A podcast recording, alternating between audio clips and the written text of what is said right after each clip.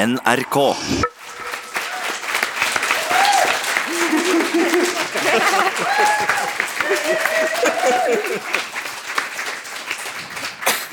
Ja, hei og velkommen hit til Folkebiblioteket i Trondheim. Eh, I dag så skal vi diskutere rusreformen. Og det er jo noe som har skapt stor debatt. Eh, Det er altså et folkemøte om rusreformen arrangert av Foreningen Tryggere ruspolitikk i samarbeid med Normal Norge og Rusmisbrukernes interesseorganisasjon. Det Rusreformutvalget det ble jo oppnevnt våren eh, 2018 og har hatt i oppdrag da, å forberede gjennomføringa av sin rusreform. Denne Rapporten ble overlevert til Helse- og omsorgsdepartementet og Justis- og beredskapsdepartementet nå i desember 2019. Og Selv om brukerdoser fortsatt vil være forbudt, og man fortsatt vil kunne bli tatt av politiet, så skal brukere av ulovlige rusmidler få oppfølging med mål om, ikke, eh, om hjelp, ikke straff. Vi skal altså diskutere det her i dag, og med meg så har jeg Trygve Brakstad fra Høyre, eh, Anne Helene Tveit fra Rusreformutvalget, Ester Nafstad fra Normal Norge og Kenneth Arctander fra Rusmisbrukernes interesseorganisasjon. Eh, Dere skal få introdusere dere sjøl. Mitt navn er Jenny Westermein. Jeg skal være ordstyrer her i kveld. Så vi kan starte med deg, Trygve. Vær så god. Takk for det. Eh, Navnet mitt er Trygve Brakstad. Jeg er da kommunalråd for Høyre i Trondheim. Eh, Og Det betyr på godt norsk at jeg er da en av elleve heltidspolitikere i Trondheim kommune. Og vi har da ansvar for alt det de 14 000 ansatte i Trondheim kommune holder på med. Anne Helene Tveit, eh, psykologspesialist. eh, Medlem av Rusreformutvalget.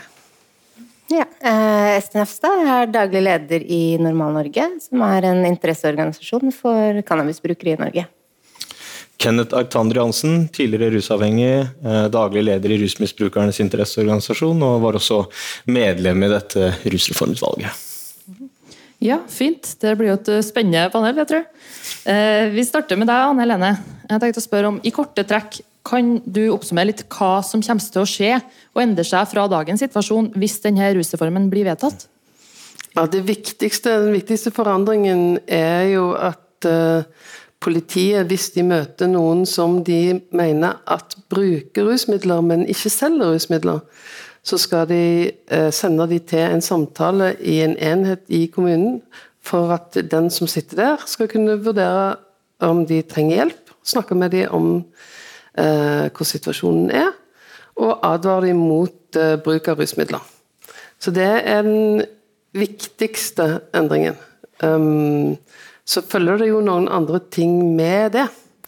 At eh, kommunene må lage seg noen nye tanker om hvordan de skal møte folk som kommer til seg og som er tatt for å bruke rusmidler, men som ikke nødvendigvis er avhengige av dem, f.eks. Og at folk som bruker rusmidler må tenke seg om om de syns at de trenger hjelp eller ikke. eh, På en annen måte når de skal møte folk i kommunen enn når de møter folk i politiet. Ja. Kenneth, du har jo sittet i det her eh, utvalget. Hva tror du at en sånn rusreform vil føre til? Eh, Formålet med reformen det er litt vanskelig å forutsi hva den vil føre til. eh, Men formålet med reformen er jo å redusere stigma. Eh, Og det tenker jeg er veldig viktig. For et veldig konkret stigma, det er den registreringen i dette strafferegisteret, altså det rullebladet, som følger deg når du skal søke deg inn på en eller annen jobb eller en eller annen utdanning, når du skal reise ut av landet. Så det vil være en konkret konsekvens av det.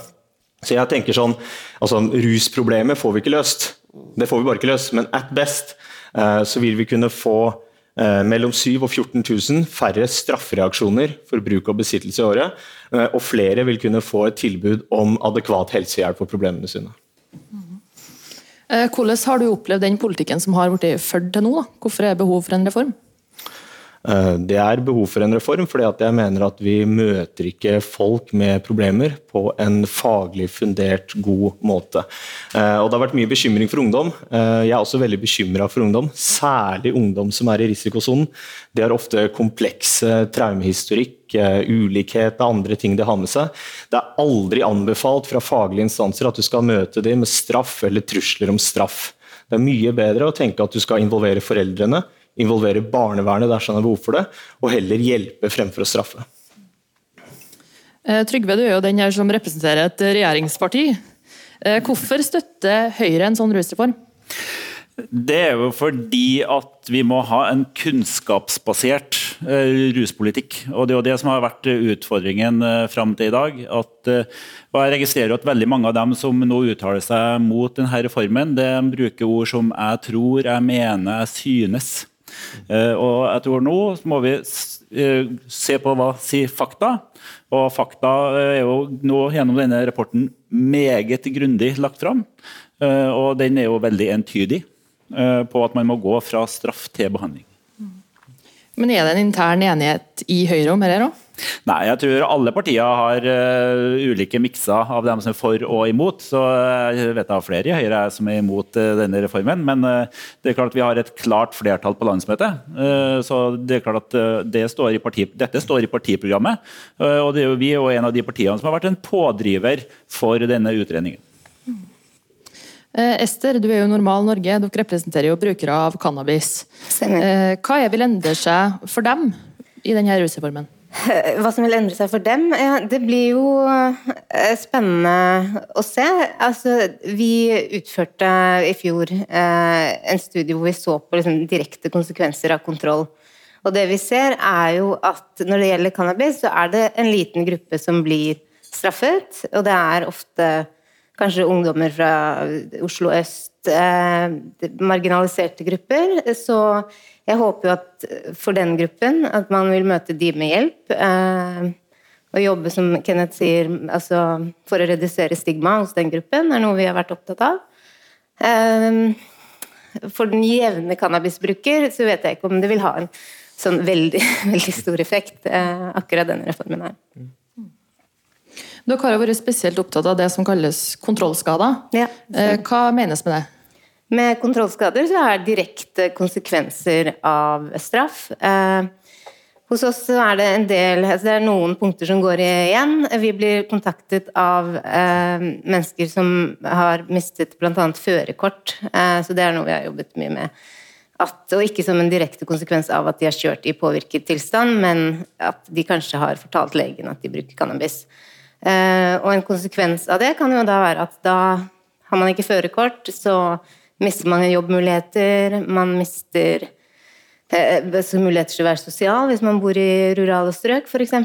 Så det er en del sånne ting som gjør at cannabisbrukere blir gradvis liksom skjøvet ut eh, av det normale samfunnet. Da. Uh, Anne Helene, dere har jo vært veldig opptatt av det her med straff i denne rapporten. Mm. Hva er årsaken til at man snakker så mye om straff? Vi valgte å se veldig snevert og tydelig på mandatet, fordi vi tenkte at dette er for, for mange. Mange tror fortsatt at uh, uh, straff er det som gjør at vi ikke har så mange som bruker Straff og trusselen om straff er det som gjør at vi ikke har så mange som bruker rusmidler i Norge. Um, så vi visste at hvis vi skulle um, kunne begrunne en endring vekk fra straff, så måtte den begrunnes veldig godt og veldig nøye. Så det er hovedårsaken til at vi fokuserte så mye på det. At det er um, lettere, vanskeligere å argumentere for at man skal vekk fra straff, enn det er å argumentere for at man skal mot helse. Så Vi har ikke sagt så mye om hva som skal skje når folk kommer i kontakt med helsevesenet. Um, for det regner vi i grunnen med at der skal det vel skje det som det pleier. Um, men det å begrunne at uh, dette med straff har mindre for seg enn folk tror, det syns vi måtte gjøres veldig grundig. Ja, og det må jeg jo si er Noe av det som denne rapporten er veldig klar på, det er jo at eh, når man jo da har gått gjennom det som finnes av forskning, og det er viktig at man legger vekt på forskning her, mm. så er man veldig klar og tydelig på at det er ikke grunnlag for å si at uh, avkriminalisering vil gi økt bruk. Og Det er jo noe man da må ta med seg som et viktig, veldig viktig punkt. Og den, Det vitenskapelige belegget i denne rapporten det er solid, og det bør man da ta utgangspunkt i. Straffen har jo altså det som jeg nevnte, menneskelige økonomiske konsekvenser. Du var litt inne på det, Ester. Eh, blant annet så vet vi at uh, ungdom uh, som har foreldre som ikke har høyere utdanning, løper syv ganger risiko for å bli forfulgt i straffekjeden enn ungdom som har foreldre med høyere utdanning, til tross for at sistnevnte da ruser seg mer enn den første gruppa. Eh, I Oslo øst så ser vi også at ungdom som, eh, altså ungdom som kommer fra Oslo øst, blir straffa tre ganger så mye som ungdom som kommer fra Oslo vest, til tross for at ungdommen på Oslo vest ruser seg dobbelt så mye. Så straffen har, slår veldig sånn usosialt og usolidarisk uh, ut. da. Uh, jeg synes Det er veldig flott at uh, Høyre har vært så tydelig i den saken. her, og Jeg kunne ønske meg egentlig at det kanskje satt noen fra venstresida i politikken her oppe i dag, for dette her er også en veldig viktig reform, mener jeg, for, for den sida av politikken. Det er jo mange som argumenterer da med at men hva skal man forebygge med hvis man ikke har straff? Hva er det som blir forebyggingstiltakene? Ja, Ester? Jeg, jeg vil bare si, altså, det, jeg har gjort grundige gjennomganger. UNODC, eh, altså FN, har jo også gjort en gjennomgang hvor de har gått gjennom flere forskjellige land, sett på hva er det som fungerer. Og det beste som fungerer når det kommer til forebygging, er altså, støtte foreldre i utsatte familier, eh, inkluderingstiltak, altså ha Fritidsklubber, gratis idrett, eh, opplegg i ferier for eh, utsatte familier. Det er tiltak som fungerer når det gjelder forebygging. Ikke liksom direkte snakk om rusmidler generelt. Den aller viktigste forebyggingen er egentlig å gi de ungene som tror at de ikke er verdt noe, noen pålitelige voksne rundt seg som de har kontakt med over tid, og som de kan bygge tillit til, og som de kan eh, ha hjelp av i livet. Og Den måten de har gjort det på i Island, er ved å gi et såkalt fritidskort, som gjør at alle islandske ungdommer kan ha helt lik rett til å være på hvilken fritidsaktivitet man vil. Uh, og det er ingen som vet hvem som har betalt for som, de pengene som ligger på det kortet. Så det er helt totalt ustigmatiserende tiltak for de ungene det gjelder. Uh, de ungene der har ofte liten mulighet til å være på arenaer hvor noen kan gripe dem og gjøre noe bra. Uh, og Det handler både om økonomi og det handler om sosiale forhold. Men uh, hvis vi kunne kutta gjennom det problemet der, så ville det være veldig god forebygging. Og det bare når det kommer til det med Island, det også, Man har sett at man klarer å øke tiden hvor på en måte barn og ungdom ikke er overlatt til seg sjøl. Mm. Altså at de er sammen med voksenpersoner, er organisert idrett, eller om det er familie, eller hva som helst, så reduserer du også da debutalderen da, på bruk av, eh, av uh, rusmidler. Men det er en sånn misforståelse mener jeg da, av hva straff er for noe, hvis man tenker at straff skal på en måte fungere forebyggende på rus. Straff er en reaksjon som kommer etter at du har rusa deg i det tilfellet her, Det er ikke et forebyggende virkemiddel, og det er altså ikke noe faglig argument å bruke straff for å forebygge rus. Hvordan har du opplevd den politikken som har blitt ført nå, som har vært basert veldig på straff? Jeg, personlig? Mm. Uh, ja, det hadde jeg ikke regna med spørsmålet, men, uh, men, jeg kan jo godt si det. Også mitt møte med, med si, det offentlige, da, foruten skole og sant, alle de tingene der, så, så, var ikke det tiltaksapparatet eller helsesøster eller sånt, det var politiet. Eh, og, og, det kan godt hende at det gjøres forskjellig forskjellige steder, og, og alt sånt der, men mitt møte det var ransaking, håndjern, pågripelse, inn i politibilen, inn på politistasjonen, inn på glattcella, stripping, eh, liksom eh, bøye deg over sånn og brette ut skinkene og så bli titta inn i analen og, og, og, alt sånt der. Nå har heldigvis ikke jeg eh, vært offer for overgrep, da, eh, men jeg kan tenke meg for ungdom som har det, Eh, så vil det der være svært krenkende. Eh, og fra et faglig ståsted altså om, om 20 år så vil vi se tilbake på det vi har gjort nå, og så vil vi skamme oss over den politikken som vi har ført. Trygg.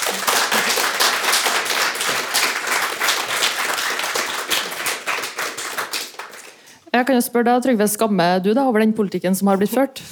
Ja, vet du hva? Jeg mente ikke deg personlig. Altså. Ja. ja, faktisk. For jeg, så, jeg, har hatt, jeg har egentlig samme refleksjon. Eh, for når jeg sitter og leser det her, så tenker jeg at når, nettopp det der at eh, når vi, det er bestandig Vi sitter og tenker på hva, sånn, hva, fortiden har gjort gærent.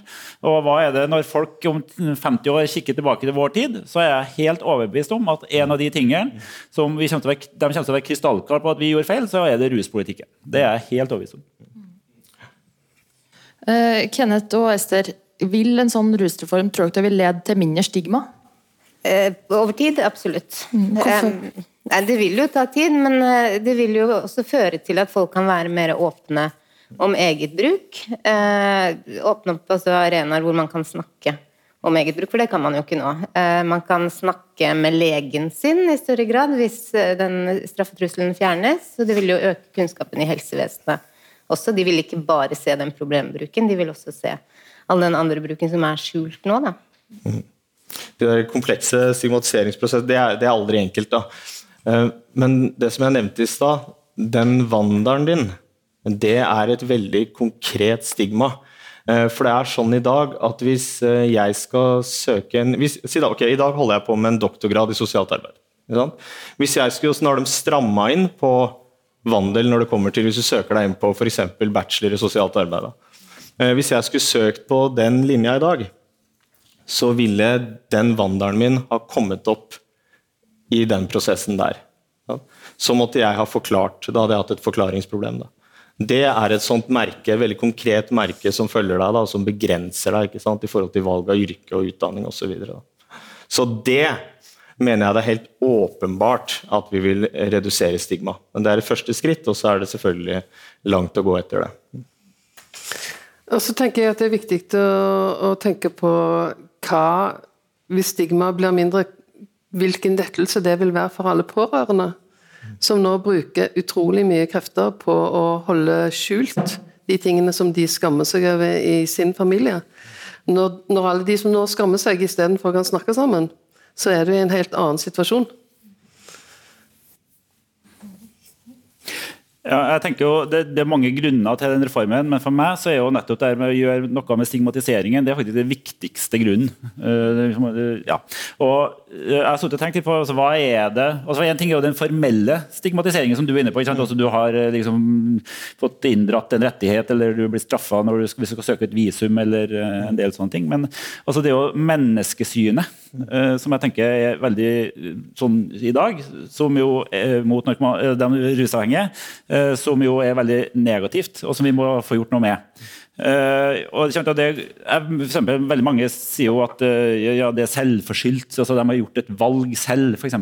Det har vi jo allerede vært litt inne på. at det, jo, det, kan man jo stille store spørsmål med. Det er jo ikke det for de fleste. Uh, det er noe som er, for noen kanskje ser på som en luksusaktivitet, faktisk, eller at det knyttes til vinningskriminalitet. jeg tenker at det at vi får denne reformen, får ny politikk på dette, får gjort noe med disse tingene, eh, det tror jeg er viktig, sånn at vi får gjort noe med stigmatiseringen. Eh, en stor diskusjon rundt etter denne rapporten kom, det har jo vært hva som skal skje hvis man blir tatt med en brukerdose. Mm. Ideen er jo at man da skal tilby en sånn kommunal rådgivningsenhet om en samtale der. Men hva er det som skjer da, f.eks. hvis man ikke møter opp der? Anne Rene? Ja, Det kommer jo an på, da. Eh, hvis du er over 18 år og ingen, eh, ingen har noen andre grunner til å være spesielt bekymra for deg, eh, så kan det hende at det skjer ingenting. Og det blir folk veldig nervøse av. Her skal det skje ingenting. Men så ser jeg noen som tenker at det skal skje ingenting òg, hvis det er grunn til å være bekymra for deg, eller hvis du er ungdom. Og det stemmer jo ikke.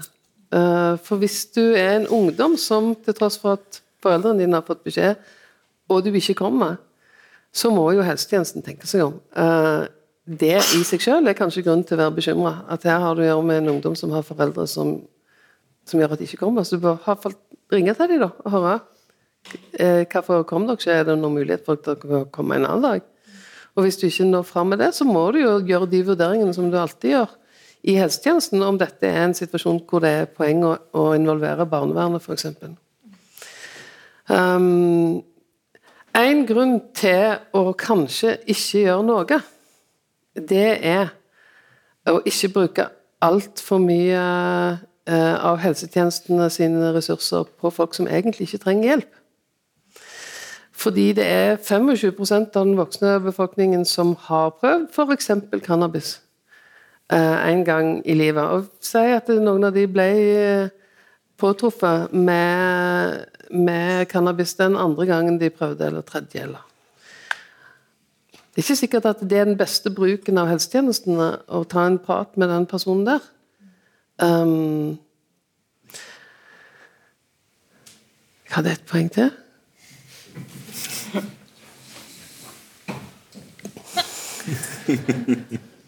Eh, enn dere andre, hva tenker dere om det? Um, det, er jo en, det som vi har foreslått, er jo en sånn rådgivende enhet for narkotikasaker. Da, en funksjon som skal få den ligge i kommunen. Uh, og det er ikke riktig sånn som f.eks. Kjersti Toppe da, fra Senterpartiet sier, at alle skal behandles likt. og alt sånt der. Det er jo ikke riktig. Det er en tverrfaglig sammensatt, uh, kompetent uh, funksjon i enheten, som har sosialfaglig kompetanse, medisinskfaglig kompetanse, psykologfaglig kompetanse, erfaringskompetanse og barnevernsfaglig kompetanse. så vi må jo ha tillit til at fagpersonene kan gjøre de faglige vurderingene sånn at du kan gi individuelt tilpasset hjelp til den som trenger det. Eh, er det en 14-åring, da, så er det ingen som tror at det vil være en faglig god tilnærming å ikke gjøre noen verdens ting. Mm. Man involverer foreldrene, og så har det kommet noen argumenter at ja, men her kan jo ungdommen velge om foreldrene skal bli involvert. Det er heller ikke riktig. Men det er sånn at hvis man tror at det er fare for barnet å involvere foreldrene, så må den enheten ha muligheten til å gjøre det skjønnet og ikke involvere foreldrene. Mm. Men da er det ofte kanskje mulighet også, altså, da er det vel sannsynlighet at det er naturlig at man involverer barnevernet. Da. Så det er, noe, eh, det er noe slik som det er. Um, og så har det vært utreda. Vi, altså, vi, har ikke anbefalt det. fordi Hvis vi først uh, tar utgangspunkt i kunnskapsgrunnlaget vårt, at straff ikke har den effekten man har tenkt, så ville det vært veldig rart hvis man tenker sånn ja, men hvis vi gir et sånt gebyr for ikke å ha møtt enheten, det vil gi skikkelig masse effekt. Da hadde vi vært liksom veldig utro da, til, eh, til det vi sjøl har ment. Eh, men vi har altså da utreda det. altså Noen kan liksom leiter med lupe og, og, og, det som er. I kapittel 7 så er det utreda dersom på en måte politikerne føler for å ødelegge det flotte faglige dokumentet vårt i komiteene. Jeg vet ikke, det kan godt hende. Eh, så er det i hvert fall der er det utreda en, en, sånn type ikke møtt-gebyr. Men det er altså ikke da anbefalt. Mm. Et annet moment som man ville ta hensyn til um, dersom det var voksne, er jo om de voksne har barn. Så hvor man òg ville være ekstra påpasselig med å i hvert fall få tatt en prat og hørt uh, hvordan det står til. Um, og så uh, er det um, ikke nødvendigvis sånn at alle som bruker et illegalt rusmiddel, nødvendigvis vil bli meldt til barnevernet hvis de ikke kommer til den samtalen, eller hvis de kommer til den samtalen, men det vil jo være eh, en vurdering som man må gjøre hva de ungene har behov for. Og ikke minst når vi vet eh, dette om barndomstraumer, hvis det er folk som eh, har andre problemer i tillegg til rusmiddelbruken sin, så er det faktisk ganske farlig for de ungene sin fremtidige psykiske helse og fremtidig bruk av rusmidler. Så det å få støtta de ungene tidlig er ganske viktig. Ja, Trygve først. Ja, eh, Veldig mange vil stille spørsmål altså, hva har det noe betydning å bli innkalt til en rådgivningstjeneste.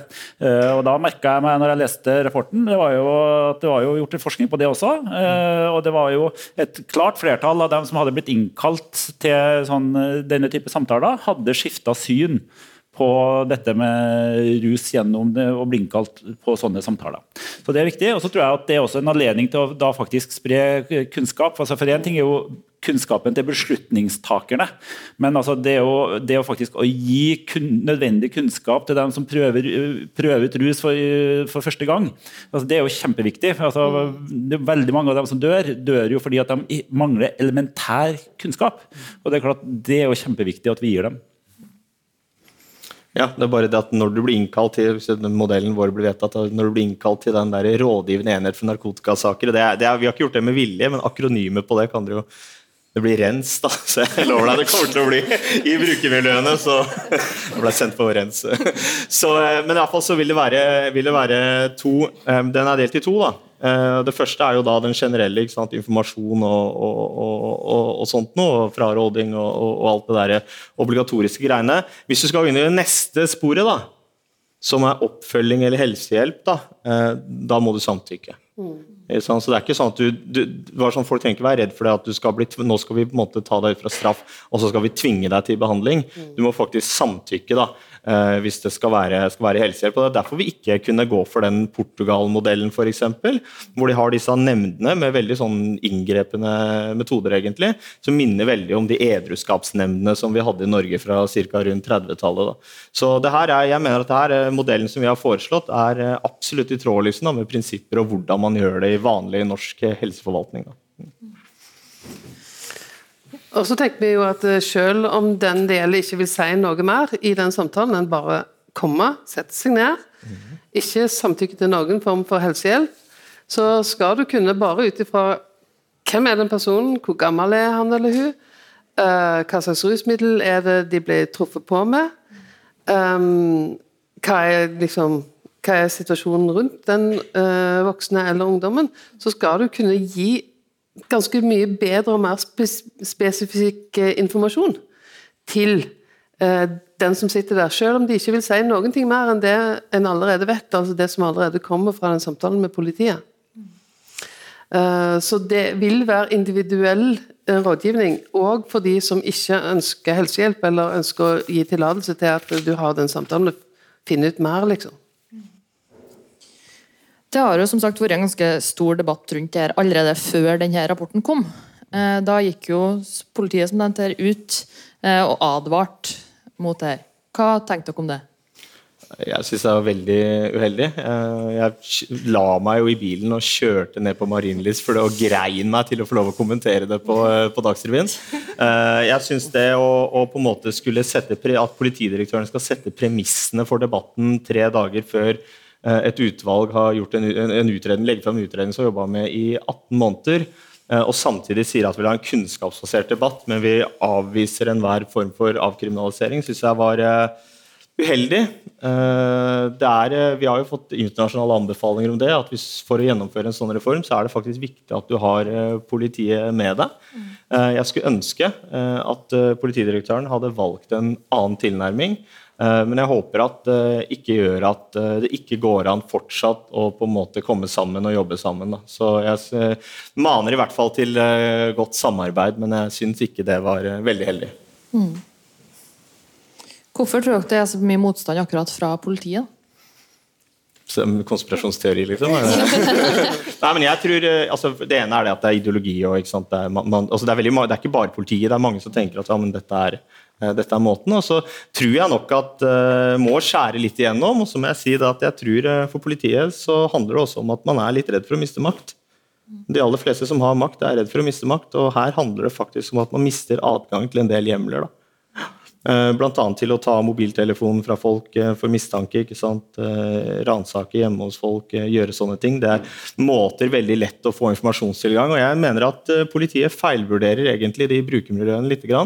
Når vi snakka med politiet i Portugal, for eksempel, så sier de at de har fått en større tillit i brukermiljøene og får et, en større informasjonstilfang. Da. Og Det er jo det vi ser, også særlig ungdom sant, på Vaterland i Oslo. og sånt, og De har null tillit til politiet, og pga. det så har de heller ikke tillit til uteseksjonen, ikke sant, til tiltaksapparatet osv. Så, videre, så jeg tror det her er en tillitsreform som egentlig, hvis politiet kan snu litt på det, så tror jeg det vil gjøre jobben deres lettere mot publikum. da. Hvor eh, er ellers dere opplever motstand fra? Hva er det som kan, på en måte, kan hindre denne reformen? Ja.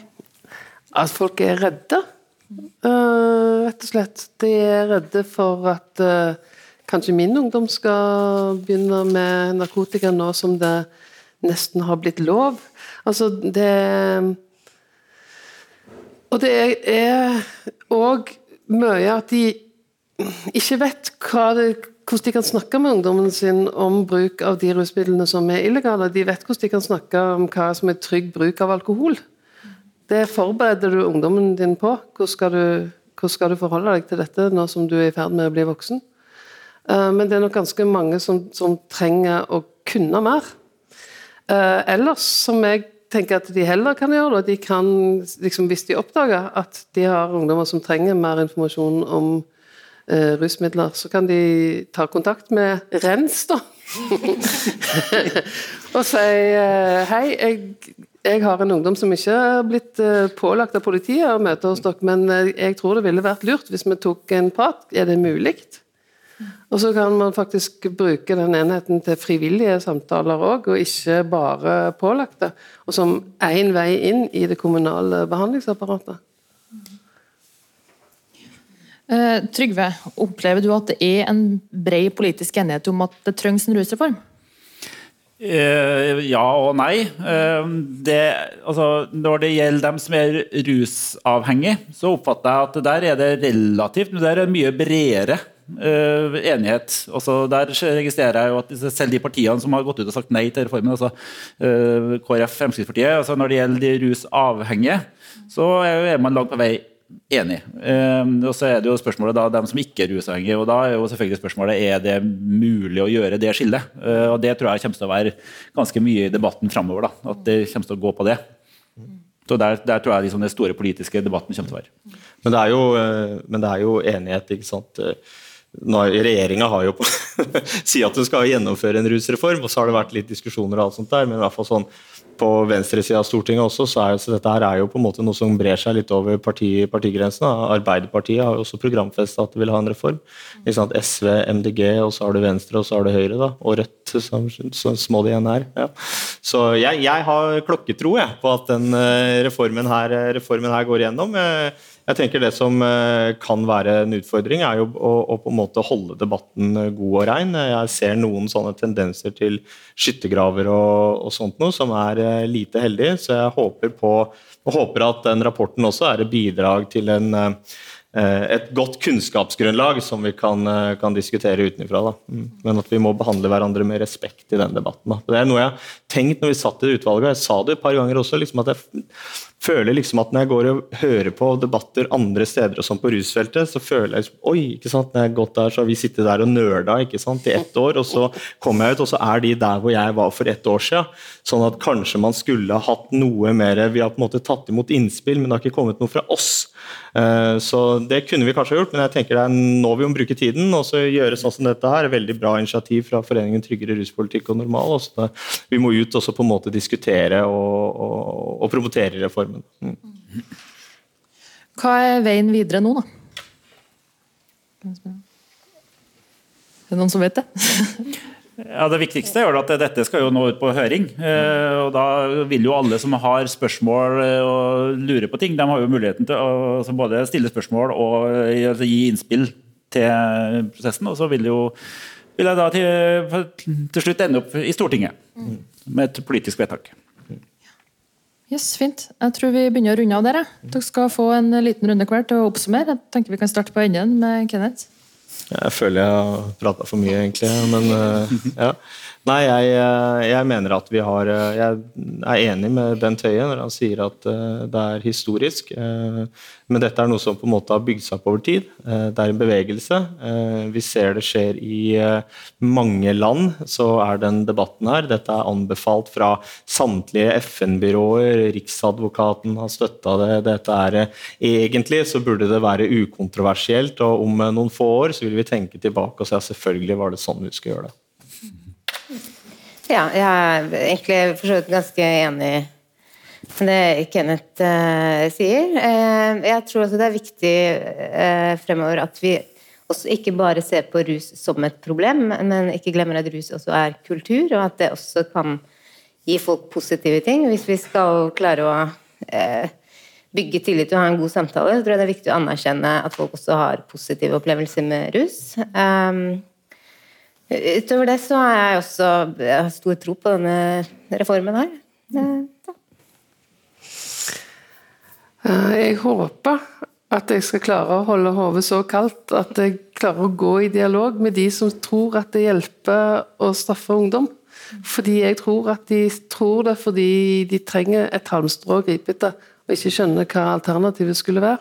Så jeg tror at det er veldig viktig å snakke sammen om hva de alternativene kan være. Um, men det er veldig vanskelig for meg å ha tro på at, uh, at man skal Når det ikke hjelper å straffe, at man skal gjøre det likevel. Så jeg syns at mye av den uh, debatten som er, er vanskelig. Um, ja Fra et faglig standpunkt. Ja, jeg tror det at tiden nå er overmoden for en eh, reform. Eh, og jeg må si at jeg er veldig stolt over at eh, Høyre sitter i førersetet for denne reformen. Som er kunnskapsbasert. Det skal være kunnskap som ligger til grunn. Som går for avkriminalisering. Eh, fra straff til behandling, det må jeg si er, det gjør meg virkelig stolt. Eh, så vil jeg si at, gjenta det jeg sa, at eh, den viktigste grunnen for dette det er at vi må sette en strek for den stigmatiseringen av dem som er rusavhengige. Det er viktig. Så en appell til alle dem som jo da i debatten videre kommer til å være skeptisk. og sånt. Altså, les rapporten. Den er grundig, god. Og da vil dere antageligvis gjøre det samme som helseminister Bent Høie, som jo skifta mening i møte med kunnskap. Så kunnskap, det er veien inn for å få et riktig vedtak. Yes, jeg tenker vi runder der.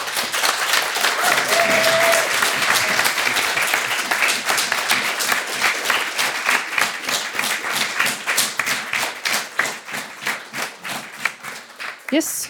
Tusen takk. Eh, da tror jeg vi kan ta noen spørsmål fra salen helt mot slutt, hvis noen har det. det ja, da kan vi bare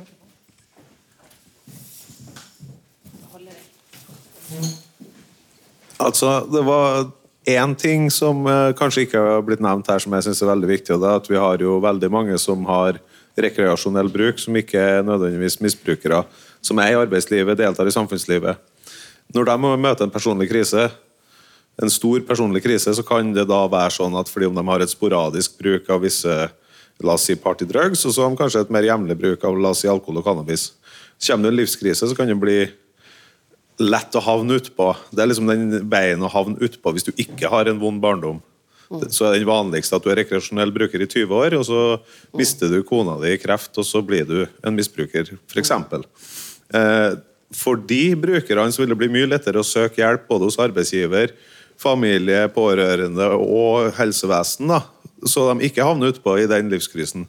Eh, det synes jeg er et ekstremt viktig aspekt her òg, som handler mye om stigmatisering og utenforskap. og, og, og, og det å føle terskelen for å søke hjelp. Og så tror jeg en annen ting som er umulig under forbudet, det er å bygge gode ruskulturer, både for partydrugs og andre rekreasjonelle drugs. At Skal man først ha dem i samfunnet, så må man ha en god kultur rundt bruken av dem og når det, man skal stoppe, og når, hva man ikke skal bruke osv. Så, videre. så det er også to viktige aspekter.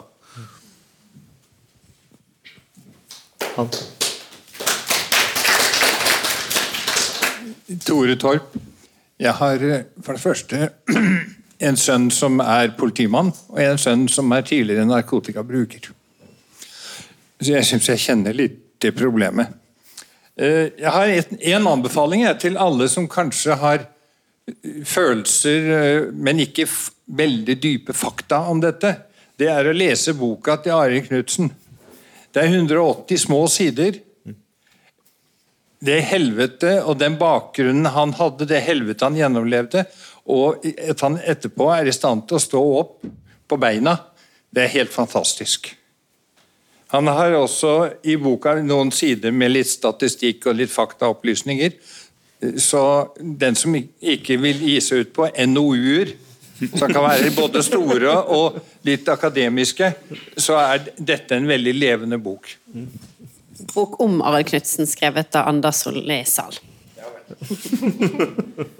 Hva er worst case scenario politikerne kan ende opp med å vedta eh, i form av en reform? Oi. Worst case, det er vel at de vedtar ingenting. Ja. Og at dagens politikk fortsetter. Det vil jeg si er det verste. Ja. Jeg har veldig vanskelig å se for meg at, du, at, du kan på en måte få det verre. egentlig. Da skulle man jo ha vedtatt altså Sånn som Senterpartiet, da, de har jo et forslag for hvordan du kan få det verre. mener jeg. Ja, men altså, De vil jo på en måte ha de portugisiske nemndene, da, ikke sant, som er veldig sånn inngripende, men fortsatt liksom beholde det innafor det strafferettslige. Det er liksom uh, da kan du få det verre. Men ellers så tror jeg ikke det er noe som ligger an til at, eh, at det kan bli verre. Sånn jeg ser for meg egentlig, så i hvert fall sånn jeg kjenner politikerne, så vil de kanskje der de vil flikke litt på disse terskelverdiene, og så er det kanskje å slappe på et sånt overtredelsesgebyr som jeg mener er helt meningsløst, liksom. Men det er vel det jeg kan se for meg for å få til å gli gjennom. da. Ja. Eller worst case at de rett og slett bare beholder straffelovgivningen for folk som ikke er avhengige. Men Hvor skal de ta Nei, det- den avgjørelsen? Nei, Liksom? altså, det, blir jo går helt, ja, det blir helt håpløst. Hvordan skal de gjøre det? Så først, ja, du vet jo Bare i dag så må de jo gå opp til polikliniske konsultasjoner, ikke sant? og alt sånt der, så skal det diagnostiseres og endre det diagnosesystemet. Så når du først har fått diagnosen, ja, nå kan du slippe straff! Liksom. Det, det blir jo helt eh, Det blir jo merkelig. Eh, Det, det tror jeg vil være en eh, håpløs affære, egentlig. Det er ja, dårlig forslag. Worst case. Eh, jeg lurer på hvordan den nye rusreformen vil påvirke medisinske cannabisbrukere. Eh, pasienter som må reise til Nederland for å hente Eh, Nei, i liten grad. For det er, ikke, det er jo ikke snakk om en legalisering. Men eh, jeg regner med at medisinske cannabisbrukere er som alle andre cannabisbrukere. Så eh, i dag så er det kriminelt med mindre du på en måte har fått det forskrevet hos legen. Og hvis du blir pågrepet i dag, så er det inn i straffesakskjeden. Men etter en reform så vil du da ikke bli straffa. Det vil være forskjellen. Er det flere spørsmål?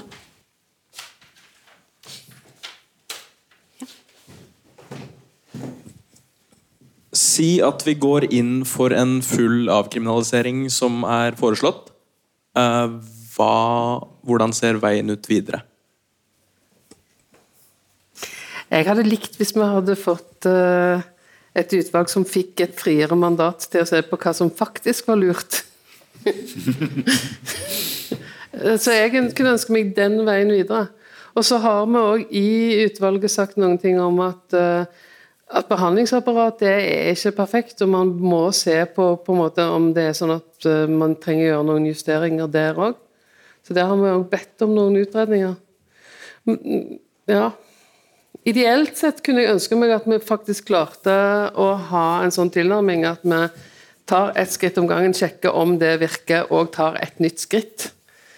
Um, til vi finner noen ting som faktisk gjør at færre dør av overdoser, og færre blir avhengige, og eh, de som bruker rusmidler, gjør det på måter som eh, gir noen ting i livet, ikke tar livet.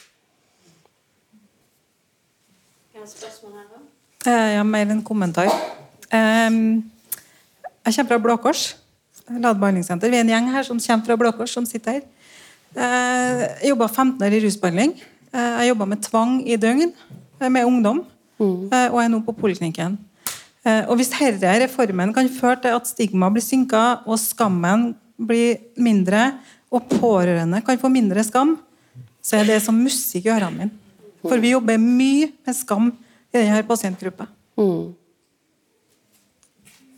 Veldig bra.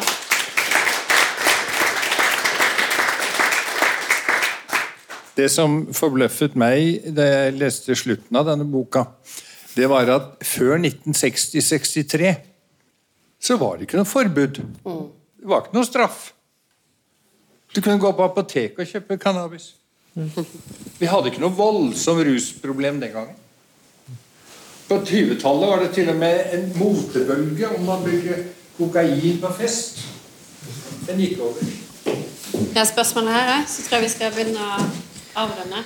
Ja, altså, jeg lurer på, hvis at du blir tatt med over eh, fast grense og må gå inn til samtale, vil du ha, få noe utslag, utslag på politiattest? Vil du få noe prikk på rullebladet? Vil det gjøre noe med mulighetene videre for, på arbeidsmarkedet, eller noe sånt? Det har det forsvunnet helt, det? Tenker du over terskelverdi eller under? Over. Over, ja. Hvis Nei, at du blir tatt med for mye, og du må inn til samtale, eksempel, da. Ja, øh, hvis du blir tatt med for mye altså det, De terskelverdiene det, det er på en måte at hvis du blir tatt med under terskelverdiene, eller opp til terskelverdiene, så er det den modellen her. Sånn at Hvis det er over terskelverdiene, så er det to treene i straffeloven som gjelder. Og Det er ikke automatisk salg. bare jeg hørte du sa Det i stad, det er ikke automatisk salg, det kan på en måte være oppbevaring. Eh, Du må jo bli tatt for å selge hvis du selger, men, men hvis du er under terskelverdiene, så blir du innkalt til en sånn samtale, og da er det ikke straffesporet. Hvis det er over terskelverdiene, så havner du straffsporet. Man kan vi ikke bare oppsummere med at altså, over terskelverdi, det er som i dag? Ja. Er ikke det? Ja.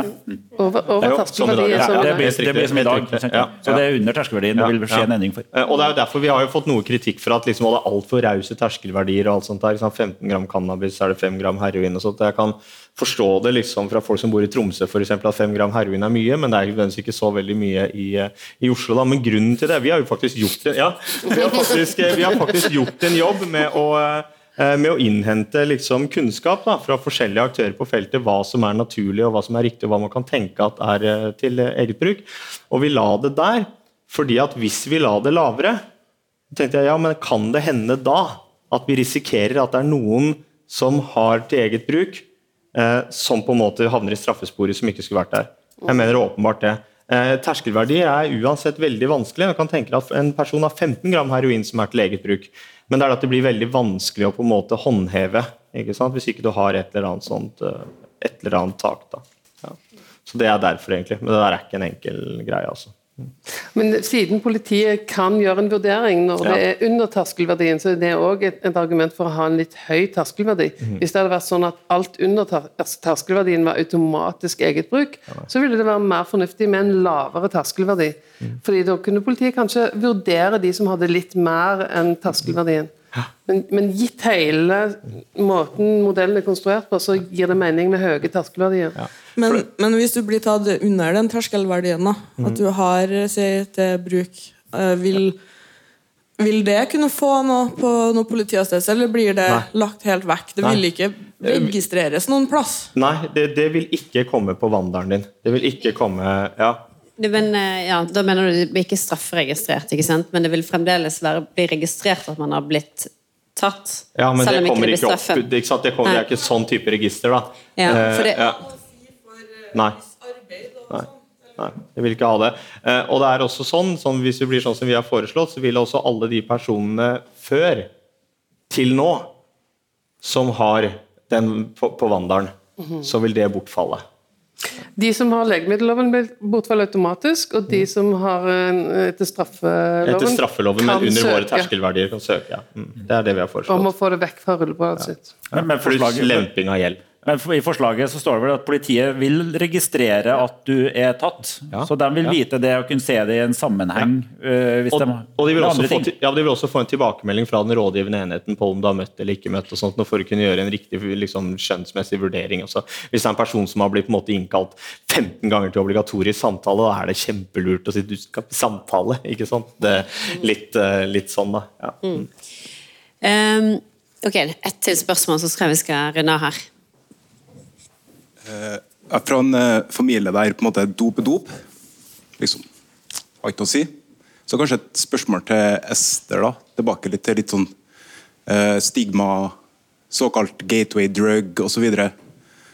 Um, tror du det finnes noe plass til å på en måte ta hele den kunnskapsbaserte argumentasjonen på en måte til et nytt nivå, da, og lære om hjernekjemi eh, Altså Ja, jeg tror er- med jeg tror det vil komme over tid. Eh, Jeg tror at avkriminaliseringen vil åpne opp for helt nye samtaler. Eh, Og mitt håp er da at man over tid vil tenke helt nytt rundt eh, rusmidler.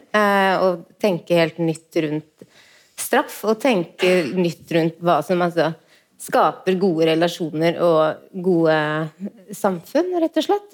Og så håper jeg på en ny og mer positiv ruskultur i fremtiden. Men det, det er nok ikke noe som vil skje i morgen eller neste år, eller Men eh, ja. Det er liksom en snuoperasjon, dette her vi holder på med, og så har vi et mål langt, langt der fremme.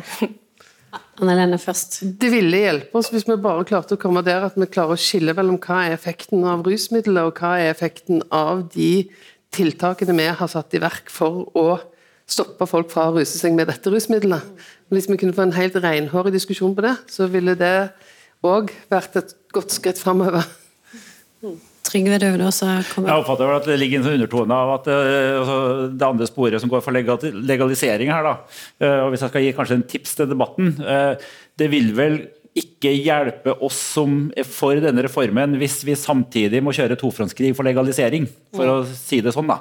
Så eh, Hvis jeg skal gi et tips for den videre debatten, så hvis legaliseringstilhengerne kan ligge lavt fram til denne vedtatt, så vil jeg sette stor pris på det. Det er bare noen måneder. Dessverre.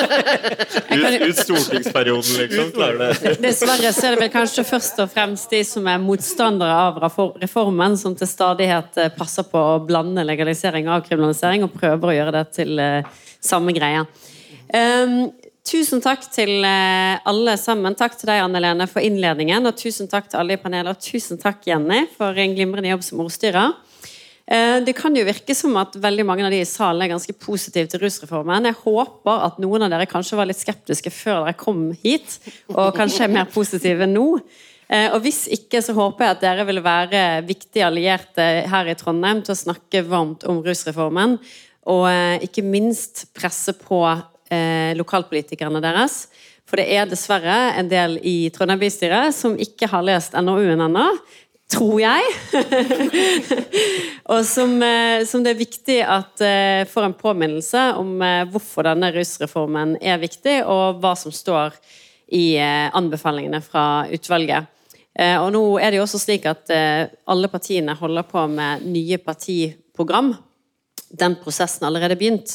Så det betyr jo at selv om f.eks. Arbeiderpartiet har i sitt program at de vil bøtelegge de som ikke har et rusproblem, og det samme med ikke sant, Du nevnte Senterpartiet sitt program eh, som et skrekkeksempel, eh, så er det håp, da. Fordi det er eh, fremdeles eh, slik at de ikke sant, Nå er de i gang med nye partiprogrammer, og da kan jo det også påvirke hvordan de vil votere. Så jeg oppfordrer alle til å engasjere seg og skrive debattinnlegg og være med og påvirke på arbeidsplasser rundt omkring for at vi skal få en vellykket rusreform i Norge. Tusen takk. Eh, takk til Normal og Rio som har vært med å arrangere, og vel hjem.